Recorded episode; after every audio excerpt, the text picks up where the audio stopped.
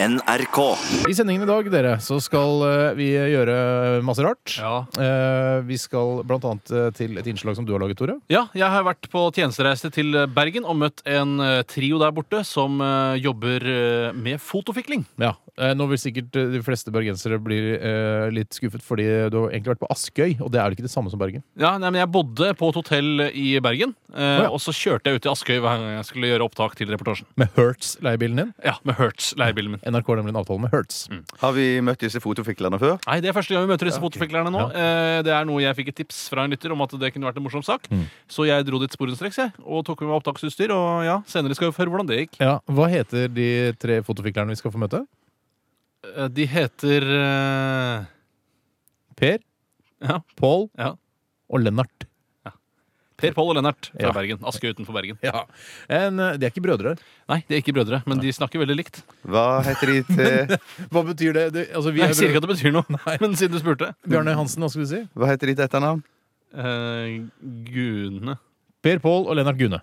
Men de er ikke i slekt. Nei. De skrives for, Gune skrives på forskjellige måter. Lennart skriver GH. eh, eh, bl- eh, per skriver Gunnet, eh, mens Pål skriver eh, Gunnen, skjønner jeg. Skjønner det. Eh, vi skal møte Per Pål og Lennart. Eh, Gune, som de heter etter navn, på forskjellige måter å skrive det på. For de er ikke i familie, de eh, jobber sammen. eh, og de møtte hverandre faktisk på et barnehjem eh, på Ulriken. Det var ikke barnehjemmet Jonny-Jonny. Nei, eh, det heter bare Ulriken barnehjem. Ja, for barnehjemmet Jonny-Jonny fylte 100 år for eh, en del år siden. Ja, det er Gratulerer. nærmere 20 år siden, er det ikke det? Ja, Så det nå- blir 120 år det nå. da. Ja, 110, tenker jeg. Ja, det er vel mer 100 barnehjem i Johnny Johnny. Ja, 113 år, da. 113-14 år, da. Barnehjemmet Jonny fyller 113 år i år. Jeg husker ikke helt. Uansett. Tilbake til saken. Eh, de er fotofiklere. Det stemmer, de jobber med fotofikling. Har gjort det hele livet. Tjener Eh, hun særlig spenn på dette? Ja, det begynner å gå rundt, for nå blir fotofikling så svært. eh, Og det er så mange, så, såpass stor etterspørsel etter det at eh, det går faktisk an å leve av det nå. Og det gjør disse tre gutta. La oss eh, høre på Per Pål og Lennart hva de har å si.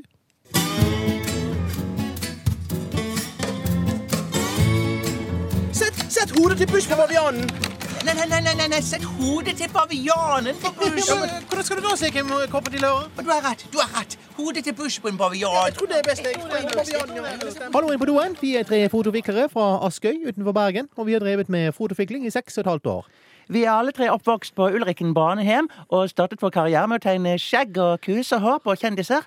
Eh, Vi fant de i ukelåder. Ja, og etter det har det hele utviklet seg, og nå har vi leid vår egen container nede på havnen, hvor vi sitter foran hver vår datamaskin og fikler med foto nesten døgnet rundt. Se, jeg har funnet en ung pike som har sex med en gammel labrador på internett. Jeg tenkte kanskje å sette hodet til dronning Sonja på piken og Harald på den gamle labradoren. Ja, hva med Pål og Låren Vågtasser Voi? Ja, hva med Herman Friele og Herman Krakavik?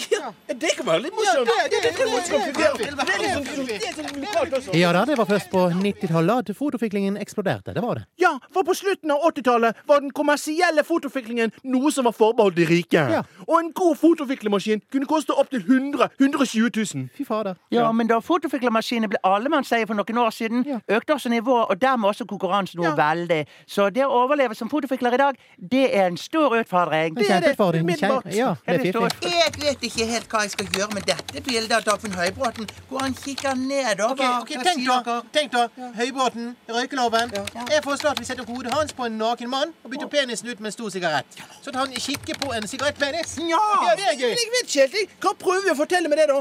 Hva heller med at noen holder penisen hans som en sirett mellom to fingre? Men, Ja, det er men fint, det det. kommer til å se veldig unaturlig ut, da. OK, kom, kom, kom en sokk som klipper over penis. Ja, en sak som klipper over penis. det er fint, det er det. Det er det, Mo. For tiden så har vi flere oppdragsgivere. Humoristiske nettsider, blader, og i tillegg gjør vi næringslivsjobber. Ja da, og for eksempel så gjorde vi en jobb for Statoil på deres årlige seminar, hvor folk eh, ble bedt om å ta med bilder som de leverte på vei inn. Og på vei hjem så fikk vi alle med oss et foto, fikk litt foto av oss sjøl.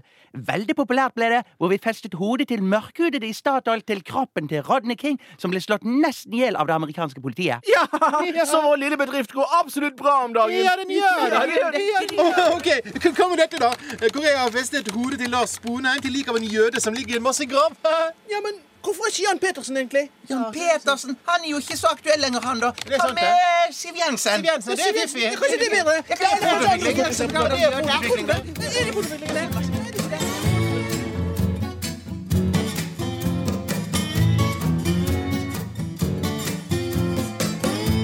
pleier å Det er fotoutvikling. Det er fotoutvikling. fortelle noen som kan Er det fotoutvikling, det?